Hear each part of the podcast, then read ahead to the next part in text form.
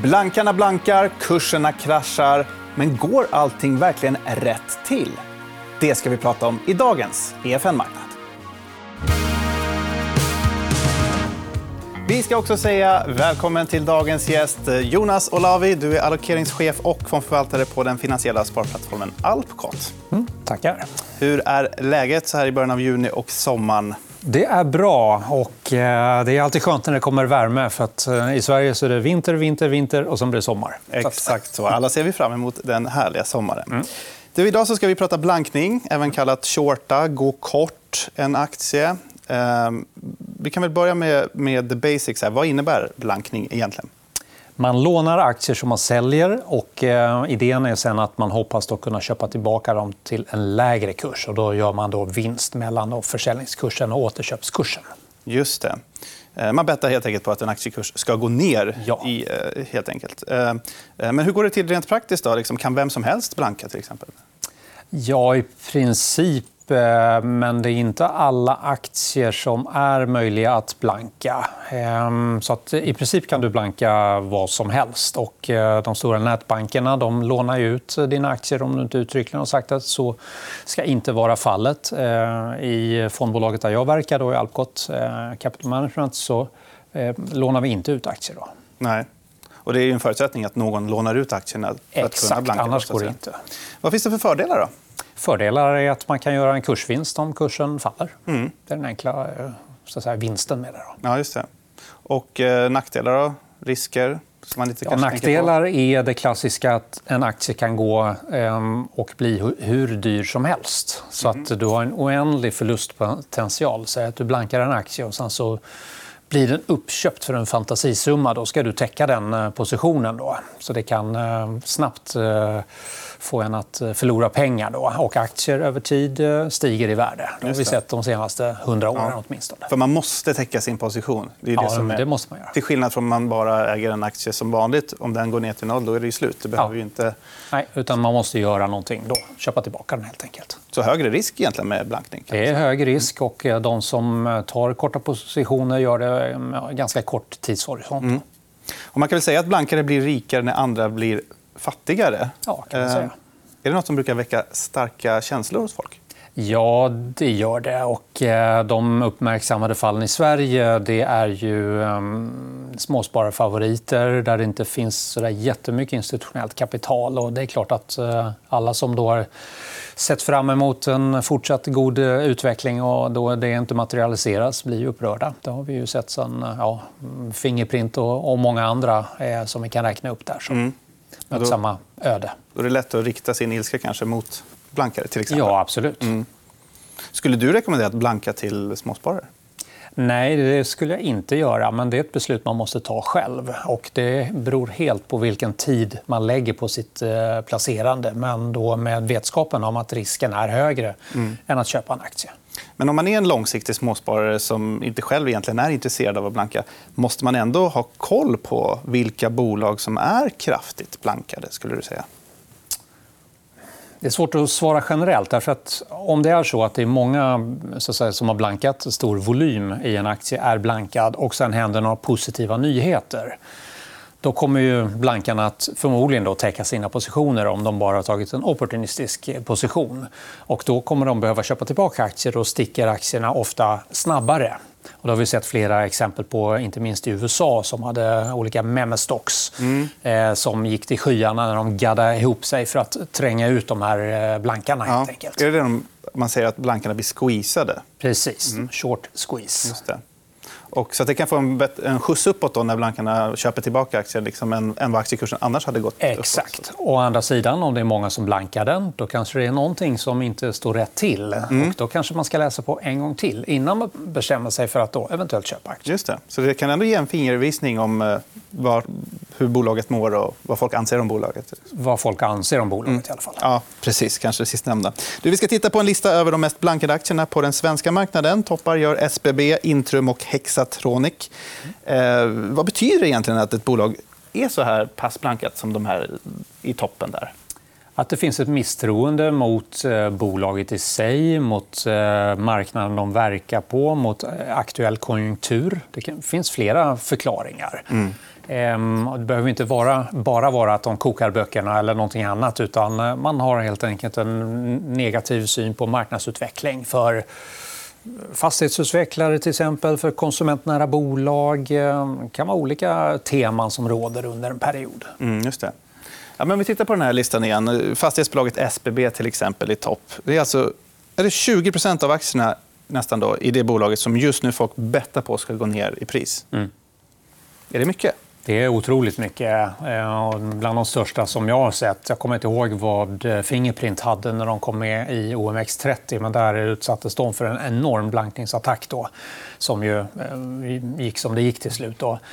Så att det här är ju ett ska vi säga, en möjlighet för de som har negativ syn att då under en ränteuppgång när samtidigt bolaget försöker svara på blanka rapporter rapporten, eh, tydliggöra sin finansiella struktur och så vidare Eh, och när då räntan går upp samtidigt då är det ju dubbelt negativt. Då är det mm. fler som passar på. att mm. ja, Vi ser en person som är trängd eller ett bolag som är trängt.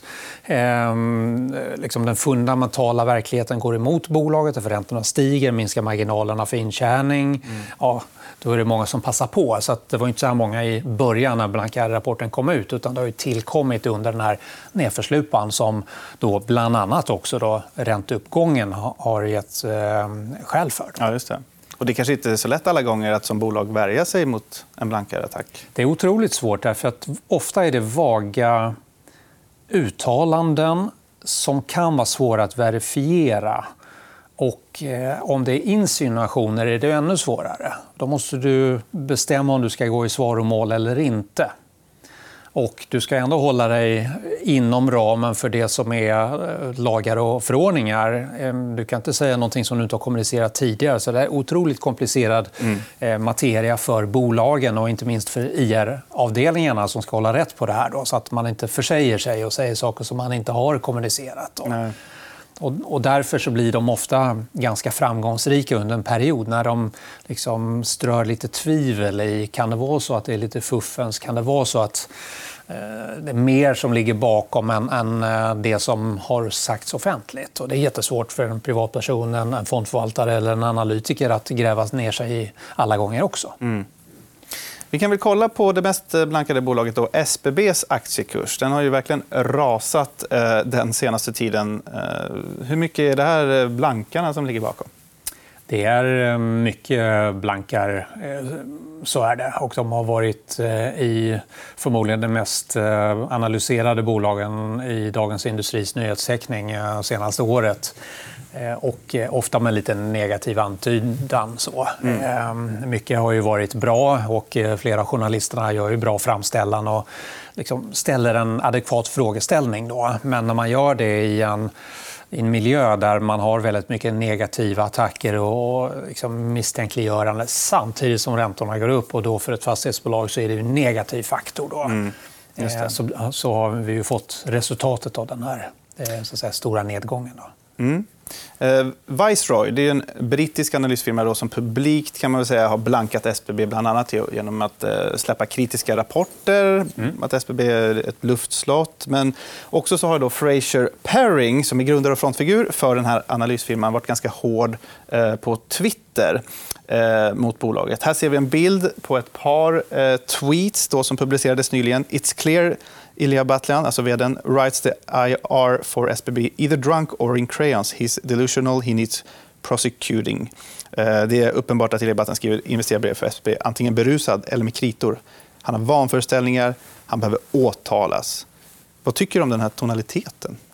Ja, personligen så är jag inte uppfostrad med den här typen av talesätt. utan eh, Man har respekt för sina medmänniskor. Det här är det är ju mm, på gränsen till ärekränkning och eh, förtal, skulle jag säga. Eh, säga att folk ska bli åtalade, det är inte, det är inte en twittrare och eh, liksom en ekonom eller förvaltare eller vad man nu ska titulera sig som den här Nej, personen. Men anstår det en analysfirma att uttrycka sig på det här viset? Ja, det, är, det är otroligt ovanligt att det görs på det här sättet. Nu har han fått otroligt mycket uppmärksamhet den här, just i Sverige därför har han gett sig på flera svenska bolag. Så att det är klart att han, han citeras mycket. Men jag tycker det är, mm, det är en otrevlig tonalitet i det ehm, och ingenting som jag tycker är någonting som jag vill se som långlivat. Men det är spelets regler, det finns blankare, de har rätt att uttrycka sin åsikt och då får de göra det på den nivån så att det inte blir eh, åtalsbart. Då. Men det har de säkert tänkt igenom när de gör den här typen av tweets. Vad är liksom grundorsaken till att SBB är där de är idag? Har de tagit för mycket risk? helt enkelt? Eller? Jag skulle säga att det som har förvånat marknaden under SBBs eh, tillkomst det är att affärstempot har varit otroligt eh, snabbt. Och sen har man använt lite olika finansieringskällor vilket gör det lite svårt att se helheten. Men det är inte eller det är snarare så att det är så i fastighetsbranschen att när du köper ett fastighetsbestånd då gör du det i ett aktiebolag. Så att eh, ett fastighetsbolag har massor med olika eh, så att säga, ABn under sig då, och blir svårpenetrerade tills de har konsoliderats upp i koncern. Då. Och det är väl det här som är svårigheten att förklara och har varit svårigheten att förklara för SBB för marknaden. Då, som då istället har sagt att nej, det här är så svårt att genomlysa så att vi är lite misstänksamma. Kan det ha gått för fort till? eller ja, så. Mm. Och det är klart att när man har köpt de här fastigheterna så eh, tempot som man har gjort det i eh, har kanske varit väl snabb då, därför att man har ju dragit på sig eh, ökad belåning mm. för att mm. växa det här bolaget. Det har ju blivit en, ett riktigt stort bolag under Iljas ledning. Mm. Eh, åter till blankningen. Då. Den här typen av publikblankning då, som Viceroy ägnat sig åt. Eh, hur stor är risken skulle du säga att man går över gränsen mot otillbörlig kursmanipulation? Jag tycker att den är hög. Därför att om du, om vi vänder på steken, om du sitter på en bank, du är analytiker, du har en aktie på neutral och sen skriver du ett köpcase på den. Mm. Då skickar du ut den på morgonen i dina kanaler och till de som då kopplas in i den miljö som kan se den. Det kan mm. vara nyhetsbyråer och annat. Och sen så börjar mäklarna då och kunderna på den banken då ringa runt och säga vi har de här köpargumenten till det här bolaget. Då. Mm. Ingen har tagit position i det här bolaget innan. Det här är en hård reglerad marknad. Den här typen av aktörer, och det här är Viceroy eh, specifikt, de tar en position innan de skickar ut. Så jag tycker det är borderline då på otillbörlig eh, kurspåverkan. Sen är det ju så att om man tittar på historiken i Viceroy, om man ska ge dem lite cred, så har de ju varit inne i bolag som ju verkligen har havererat av olika eh, liksom, anledningar där det verkar ha varit kokta böcker och allt möjligt. Sådär då. Mm. Men jag, jag, ska inte recensera dem. Man får själv gå in på deras hemsida och läsa om man, om man vill läsa den typen av materia. Då. Mm. Men om man ändå tittar på dem så de gör ett eh, liksom, gediget arbete och det är väl det som är liksom, som gör marknaden orolig när mm. den här då, lite mer kända eh, aktören säger mm. någonting. Just det. Men det är ändå stor skillnad då på en köpanalys och eh, en blankning eller blankningsattack. Eh, eller ja, absolut. Eftersom man får ta position ja. innan. Då. Ja. Men varför inte det? Det är reglerat åt ena hållet, men inte åt andra, låter det som. Det låter som att det inte ja, det borde det är en bra fråga varför det är på det sättet. Ja, just det. Men det är skillnad då på blankning och det som ofta kallas för blankningsattacker. Det är två olika saker. Ja, det är två olika saker. Mm. Blankningsattacker handlar ju ofta om att man ska ge sig på en någon svag hand men, men kort, eh, under en kort period. Då. Här handlar det om ett långsiktigt eh, Eh, misstänkliggörande för att skaka ut svaga händer. Och svaga händer det är du och jag som privatpersoner som inte kan sätta oss in i ett bolags alla turer där det är massor med påståenden som möts ett bolag som har svårt att gå i svaromål av massor med anledningar som vi pratade om tidigare. Just det. Ett annat bolag som hamnat i skottgluggen för Viceroy är det svenska fiberkabelbolaget Hexatronic. Eh, kritiken har sagts vara lite vag och därmed blir det då kanske svårt för bolaget att avfärda den. Här ser vi en kurs eh, för eh, Hexatronic. Mm. Eh, ner på slutet, jag vet inte hur mycket är blankarna, hur mycket är det bolaget? Det är kanske svårt att säga. Ehm, men generellt, då, vad innebär det för ett bolag att bli så här måltavla för en analysfirma som Viceroy? Ja, återigen, då, det här är ett bolag som gillas av privatpersoner. Det har ju gått eh, oerhört många hundra procent sen man grundade det här bolaget, eller man satte det på mm. börsen mm. i alla fall. Och det har varit en fantastisk eh, tillväxtresa. Ehm, kritiken har ju nu legat i att eh, de köp som har gjorts kanske inte var så bra. Alltså en bra ehm, analys ehm, ett analyssvar när Redeyes eh, bevakande analytiker tillfrågades i en annan kanal. Och han svarade rätt bra på de där frågorna. att Han tyckte inte alls att det var några dåliga köp. och Många av dem hade genererat ett, ett väldigt gott tillskott till bolagets utveckling och, och så vidare. Så att, eh, men det är ju en kille som, mm, i det här fallet då, en kille som då sitter med kunskap och har liksom tittat in på de här transaktionerna. Då. Här häver man ur sig att det ser dyrt ut och det kanske är kokt och ja, vad det nu hittar på för några argument. Då. Mm. Vilket gör en investerare som sitter med ett par hundra procents uppgång eller vinst, potentiell vinst då, blir orolig såklart. Då. Mm. Ska man ta vinsten nu då och rädda det som är kvar eller hur ska man tänka då? Mm. Och det har ju varit en misstanke i marknaden då att eh, marknaden för eh, fiber till hus håller på att mattas av. Då. Och det tycker inte jag att jag ser när jag läser rapporterna. Jag äger då Hexatronic, ska säga, så att jag talar lite grann i egen sak. Då. Men jag mm. äger också Deutsche Telekom. Mm. Deutsche Telekom säger att fibermarknaden i Tyskland är väldigt, väldigt stark. Mm. Och det är en av deras stora marknader. Och eh, vdn har varit ganska tydlig med att han ser inte den typen av eh, lageranpassningar som ett par av amerikanska konkurrenterna har eh, upplevt. Och, ja, då får man tro på det eller inte. Det, då måste man själv bestämma sig för. Han kan ha fel, han kan ha helt rätt. Mm. Ja, men det finns fördelar och nackdelar eh, med eh, blankare. Eh, ibland då kanske det finns tillfällen då det finns fog för kritiken. Jag tänker på Wirecard och Enron och mm. såna. Liksom, det är otroligt hårda granskningar av ett bolag som mm. kanske annars inte hade gjorts. Men om du måste välja då till sist här. Är du för eller är du emot blankning? Jag eh, accepterar att det alltid kommer finnas. Sen gillar jag inte fenomenet. Så nej, alltså? Halv nej. Halv nej. Ja, men det är bra. Eh, Jonas Olavi, eh, stort tack för att du kom hit idag. Tack. Trevligt.